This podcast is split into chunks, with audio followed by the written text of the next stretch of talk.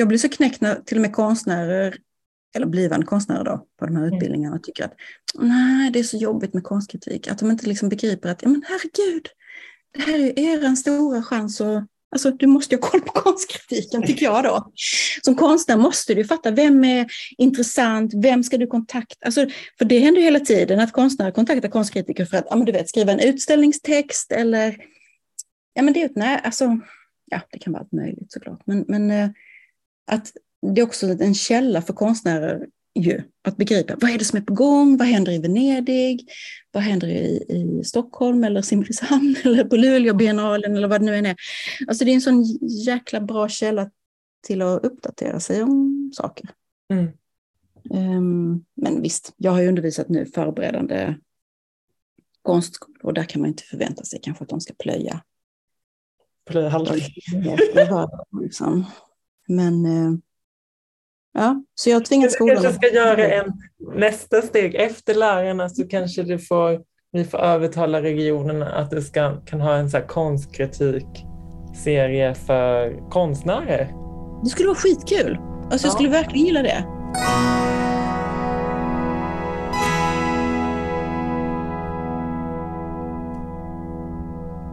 Hej Linda! Hej! Eh, Hej! Hej! Ehm, det här är ju Konst i Blekinge-podden. Mm. Eh, och vi, jag och min kollega Johan Ståhne gör två avsnitt om konstkritik. Men jag tänkte först ställa frågan, vem är du? Eh, och vad gör du?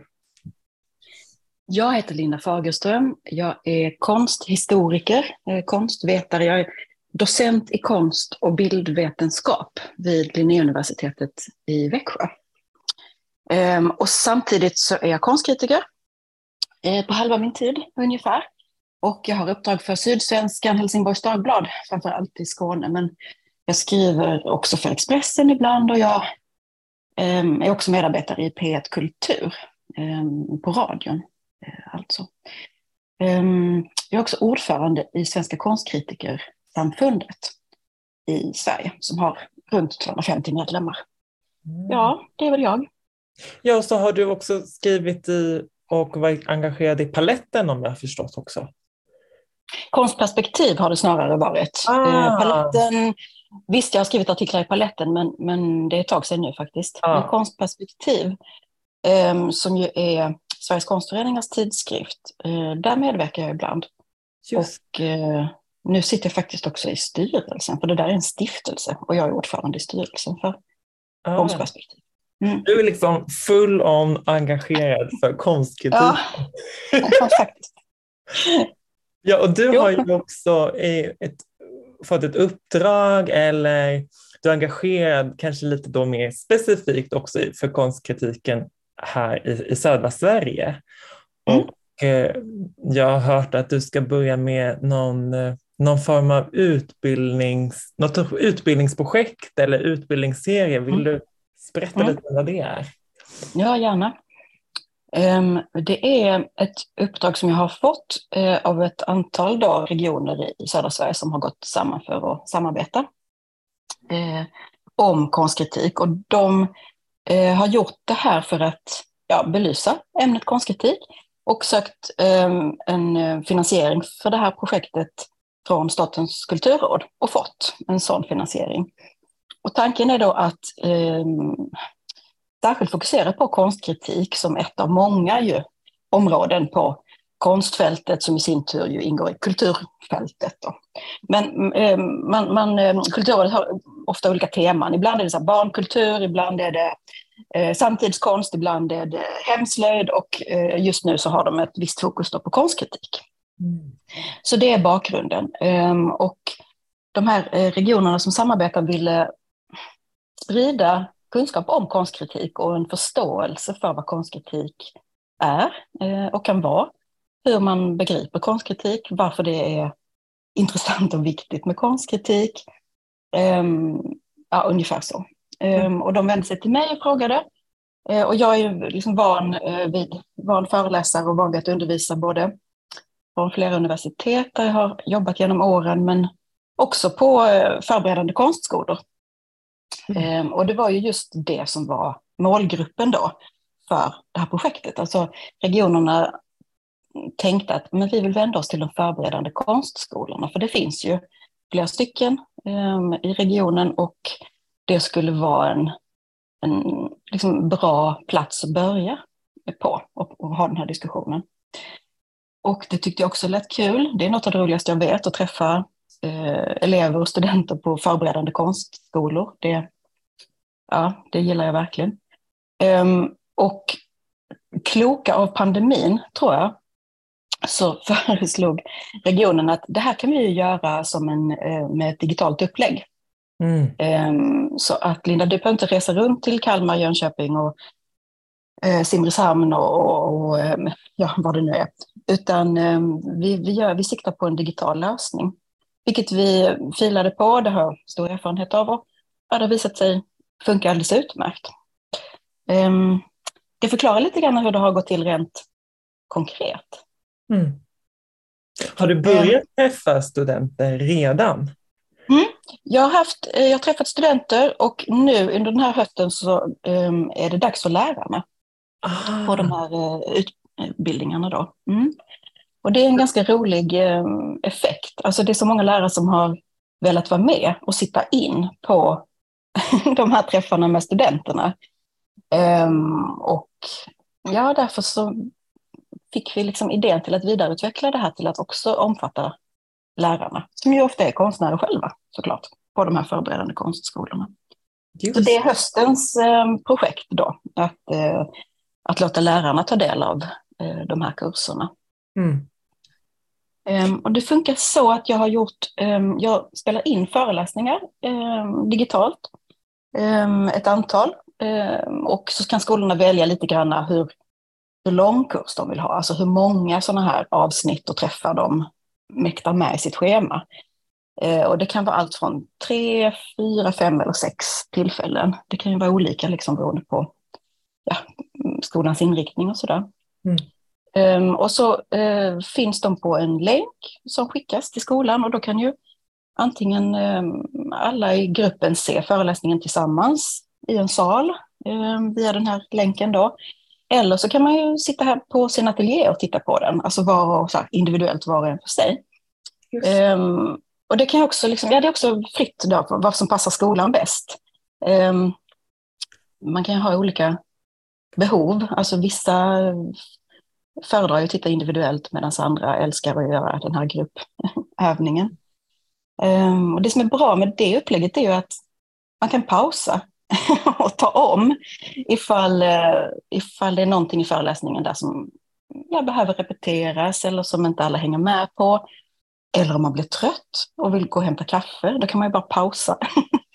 Eh, och så gå och ta lunch eller eh, kaffe eller te eller vad man vill. Alltså det, det är väldigt flexibelt, alltså materialet är väldigt um, användarvänligt på det viset. Då. Varje föreläsning är ungefär en timme, 45 minuter, en timme, någonting sånt. Och sen har vi då gjort så att, att eh, vi har haft träffar via nätet, men då är det ju live, då är det inga inspelningar såklart.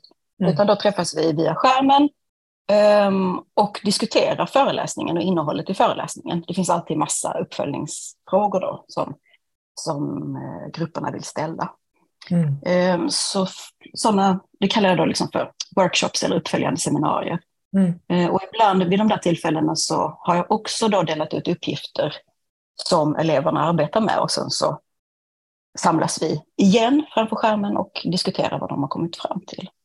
Och det är återigen då olika beroende på hur mycket läraren på respektive kurs tror att de här eleverna vill och mäktar med och har intresse för. Mm. Ehm, så kan man variera. Ehm, på någon utbildning så har, jag, har vi haft sådana här övningar där man själv, ehm, där vi läser konstkritiska texter och sen så diskuteras de i grupp bland eleverna och så får man, har de då fått vissa frågor från mig. Och, och sen så återsamlas vi och så får de redovisa vad de har kommit fram till. Och det kan handla då om vad, vad, vad tycker den här kritikern om den här utställningen? alltså att definiera var finns värdeomdömet? Ehm, är det bra eller dåligt? Och vad finns det för motivering? okay, den här kritiken kanske tycker att det här var en dålig konstutställning, men varför? Var är motiveringen? Vad anges som skäl? Alltså vi plockar isär de här texterna och försöker liksom, ja, dra ut komponenterna ur en konstkritisk text för att på det viset bättre förstå den. Mm. Ja, för jag tänker det finns ju hur mycket som helst att säga om konstkritik. Är ja. det, eh, har du något liksom fokus i, i den här, eh, vad har liksom valt ut att plocka fram? Är det mer relationen mm. till det här läsandet av konstkritik eller skapandet av konstkritik eller på någon mer teoretisk nivå? Vad, vad liksom är ditt fokus? Om det finns mm. Ja, det är klart det gör. Ehm, jag, jag liksom brinner för uh, den här synen på konstkritik som går ut på att det i väldigt stor utsträckning handlar om pedagogik. Mm. Alltså konstkritik är ett pedagogiskt redskap. Um, det handlar om att lära sig någonting om konst, uh, både för den som skriver och den som läser. Eller lyssnar om det nu är radio eller så. Um, och så, så, för mig är det viktigt, väldigt viktigt att betona liksom den eh, dimensionen av konstkritik, att det handlar om, ja, det är ett pedagogiskt verktyg helt enkelt. Um, och det är ett fantastiskt sätt att lära sig saker om konst um, genom att följa en eller några stycken kritiker som man märker att man gillar. Alltså det är precis som om du eh, är intresserad av musik eller scenkonst eller um, litteratur. Alltså då, då har du kanske ofta då någon favoritlitteraturkritiker som du vet att men hon, hon verkar gilla den typen av litteratur som jag gillar. Och då, då är du liksom lockad att läsa vad den kritikern skriver, för då är det ett sätt för dig att upptäcka nya romaner eller eh, diktsamlingar eller fackböcker som du vill läsa.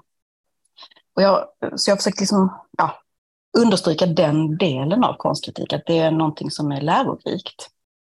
Mm. Um, och ett annat mål, ett delmål i detta har ju varit att samtidigt avmystifiera konstkritik. Alltså det blir ju det per automatik genom att jag understryker den pedagogiska dimensionen. Alltså, för mig har det varit så viktigt att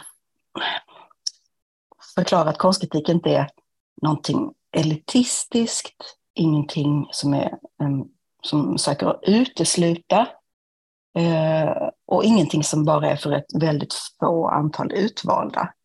Utan tvärtom då, att det här är ett sätt att diskutera eh, konst och, och liksom sträcka ut en hand till, till din läsare eller lyssnare och, och ja, men, kasta fram frågor, lägga fram idéer, eh, motivera sina tolkningar. Alltså det är någonting roligt, det är en dialog. Mm. um, Och det har nog varit en aha-upplevelse för flera, eh, som jag har upplevt i alla fall.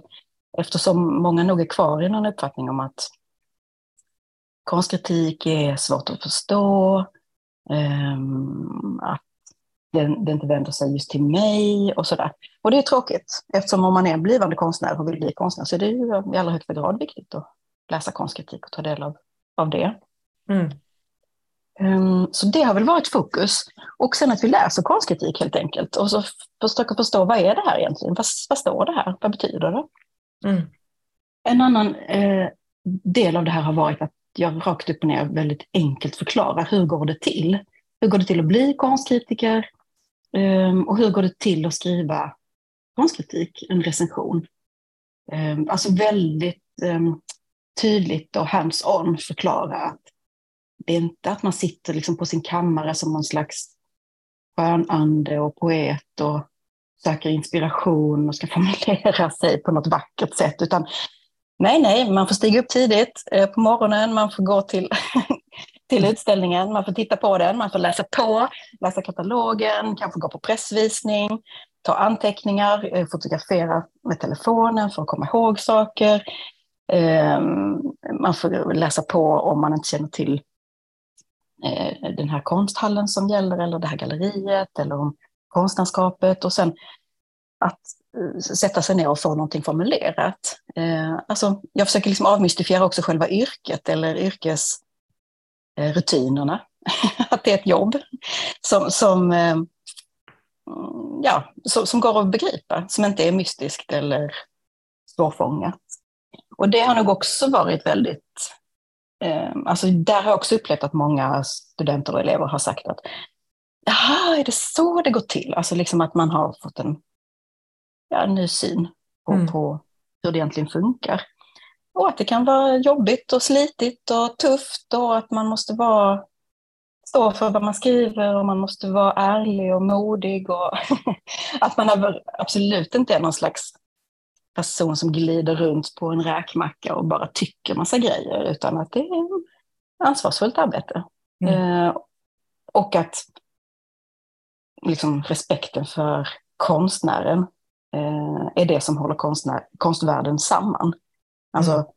Utan konstnärer hade ju ingen av oss i konstvärlden något jobb, eller hur? alltså, många tror jag är rädda för att men konstkritiker tycker illa om konstnärer. Och så är det ju inte. Um, och det har jag också försökt att sticka hål på, alltså den föreställningen eller den rädslan eller vad det nu är för någonting. Mm. Um, respekten för konstnären är ju mm, djupt grundad och alldeles, alldeles självklar för varje konstkritiker. Så.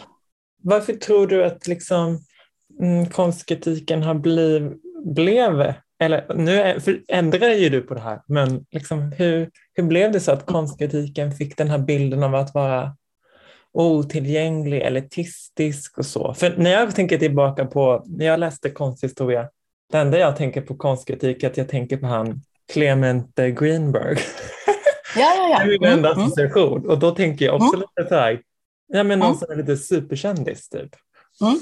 Absolut. Och, och, och, skapa konstnärer, typ gör Pollock till mm. den eh, konstnären som vi tänker att Pollock är. Typ att konstkritik, konstkritiken blir så himla får så mycket makt typ. och då kanske blir mm. otillgänglig eller liksom mystisk. Mm. Och så. Mm. Hur blev det Jättebra, så? vad kul att du minns det. Ja, det var det enda jag minns när jag tänker konstigt. Guldstjärna får jag säga då. Nej, men eh, för Clement Greenberg är ju, alltså, jag vet inte om han är världens mest kända konstkritiker, men eh, alltså han är ju inte aktiv längre, men, men det här är ju 50 och 60-tal som du pratar om.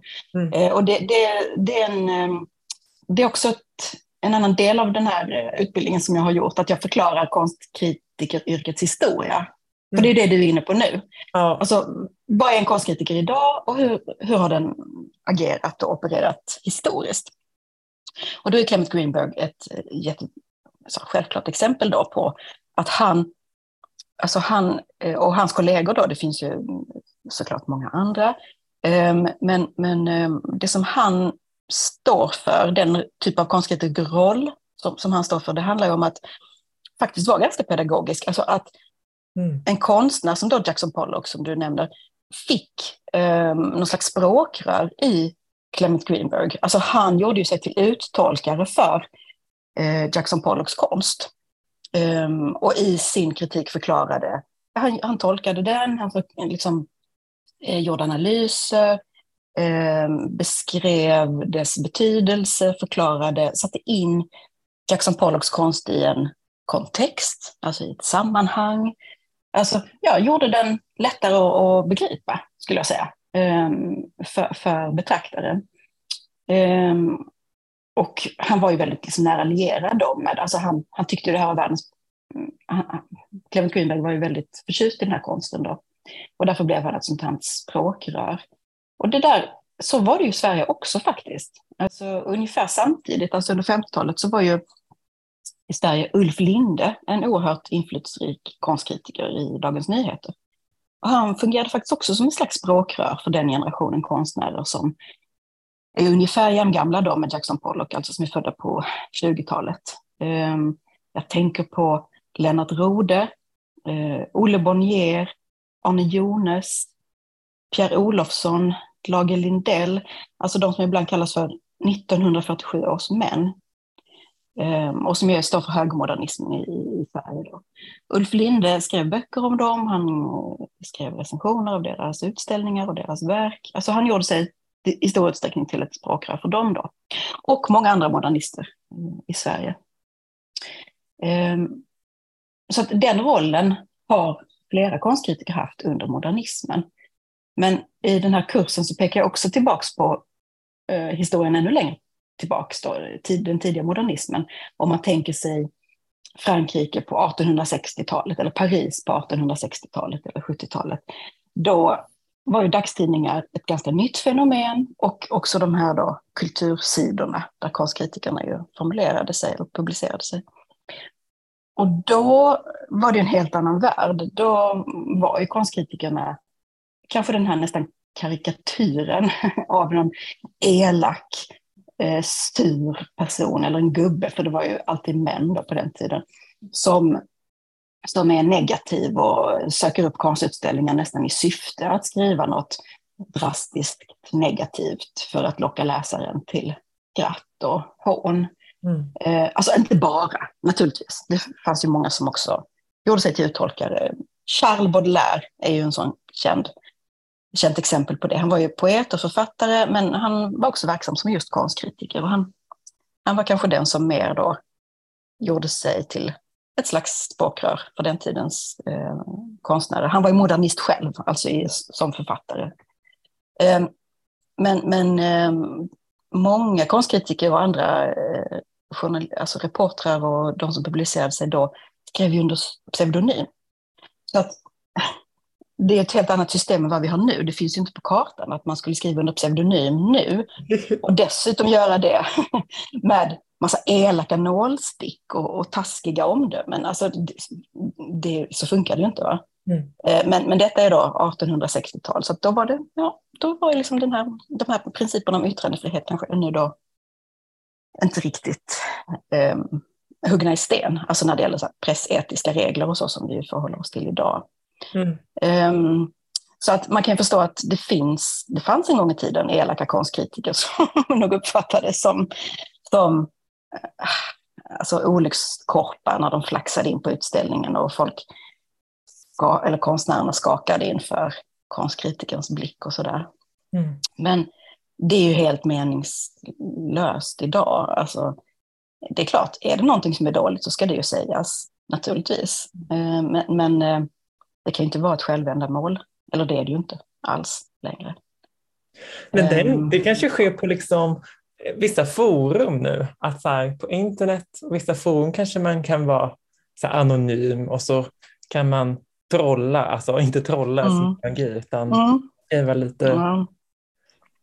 Alltså jag önskar att jag kunde säga ja, det är ett stort problem att vi har så många sådana som, som ser utställningar och är elaka. Men det hade varit nästan lite roligt, men tyvärr är det ju inte så. Alltså, konsten eh, verkar inte riktigt ha den typen av attraktionskraft. De, de skriver om andra galna grejer istället. Men, men, eh, men, men jag förstår vad du menar, såklart.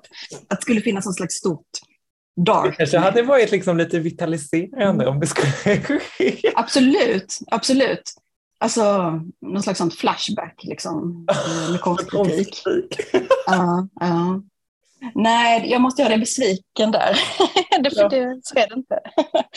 Men det är klart, det, det, är klart att som i alla yrken, skulle jag säga, så är det klart att det finns liksom något slags eh, språkbruk som, som man använder Eh, ja, men om man är konstnär så använder man eh, en slags sätt att prata med andra konstnärer, för man vet att de förstår vad, vad man menar. Men med det sättet kanske inte man kan prata med sina föräldrar, till exempel. Om man ska ta ett exempel. Eller, eller i, i något offentligt sammanhang där man ska hålla en presentation av sitt konstnärskap. Alltså då måste man prata på ett annat sätt. Mm. Det tror jag finns i alla yrken, eller det gör det ju helt enkelt. Så att det, det är klart att det finns i, i konstkritikersammanhang också. Mm. Visst är det så. Ja, där blir konstkritiken, där får den ju en viktig roll. För att som konstnär så är det så lätt att man hamnar liksom in i sin egna praktik eller sitt egna språk. Mm. Och när man fastnar i de här termerna och så blir man helt obegriplig och, mm. till slut. Mm. Och då kan ju jag ju förstå mm. att det finns ett verkligen stort behov av den här bryggan mm. mellan praktikens eller den mm. Inre introspektiva, alltså från, skap, från skapandet och med en brygga till samhället på något sätt? Eller?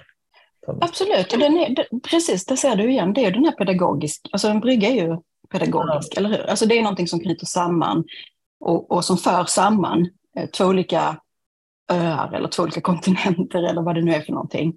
Mm. Så att um, konstkritiken är ju, alltså det här med att sätta ord på någonting som är visuellt gestaltat, uh, det är ju det är betydelsefullt. Och mm. även, man kan ju tycka illa om det, men det är ju så att vår kultur är ju textbaserad uh, mer än bildbaserad. Alltså, mm. det kan jag beklaga, men, men det är ju nu så en gång. Just. Alltså, biblioteken är fyllda av böcker och när vi ska lära oss något om historien så går vi till skriftliga källor oftare än vad vi gör, äh, till bildkällor, även om det också är vanligt, men, men ja, du förstår vad jag menar. Mm. Eh, alltså, eh, vad som står i Bibeln har större tyngd än, än vilka bilder som finns i, i Egyptens hieroglyfer till exempel. Eller så. så att, eh, ja, ehm, och då, även om man kan beklaga att det är så, så är ju skrift viktigt i vår mm. kultur. Eh, vi lär oss alla att skriva och läsa i skolan. Det läggs mycket mer energi på det jämfört med hur mycket energi skolan lägger på att lära oss att eh, arbeta med konst, eller hur? Mm. Så att text är ju det sättet som vi kommunicerar med, och ord, språk alltså. Mm. Så att det är klart att det blir betydelsefullt, men jag menar att det är viktigt, alltså konstnärer eh, har ju all, oftast i alla fall valt ett annat språk. Alltså, konstnärer är ju specialister på alltså, att uttrycka sig visuellt. Så man kan inte förvänta sig att en konstnär ska kunna använda språket, eh, alltså text, alfabetbaserat språk. Det finns det andra som är experter på. Mm. Konstkritiker till exempel. Alltså det är viktigt också, man kan inte förvänta sig att en konstnär ska vara både expert på de visuella uttrycken och de språkliga. Det tycker jag är helt självklart. Sen är det vissa som kan hantera bägge, men man kan inte ta det för givet. Det är ganska vanligt att konstnärer tvärtom mm, inte alls är förtjusta i varken skriva eller prata. Och det, måste, det, är ju, det är ju ganska lätt att förstå. Och därför menar jag att det är viktigt med de här, ja, de som kan uttrycka sig och som gör sig då till språkrör kanske, eller som tolkar konsten eller som förstår den. Konstkritiker. Just det. Men finns det mm. liksom fler aspekter? Det finns det ju, måste det finnas, tänka, men mm. mm, om man tänker bortom den pedagogiska eller bryggande mm. aspekten där konstkritiken blir så viktig i samhället. Har, har du sett eller mm. tänker du att det finns så fler delar där konstkritiken bidrar med eller är viktig för, för konstvärlden eller för samhället i stort? Liksom? Vad, vad gör konstkritik? Ja, nu kommer det låta så himla högtidligt, men det är ju lite högtidligt faktiskt. Men, men konstkritik, ja, men det handlar om yttrandefrihet faktiskt. Åsiktsfrihet, yttrandefrihet eh, och den liksom, offentliga diskussionen och debatten som varje demokratiskt samhälle präglas av. Mm. Det är ju så. Um, ja. Eh, och som sagt, det låter lite högtidligt, eh, men, men på, på, alltså man ska dra det verkligen till sin yttersta spets så är det faktiskt det det handlar om.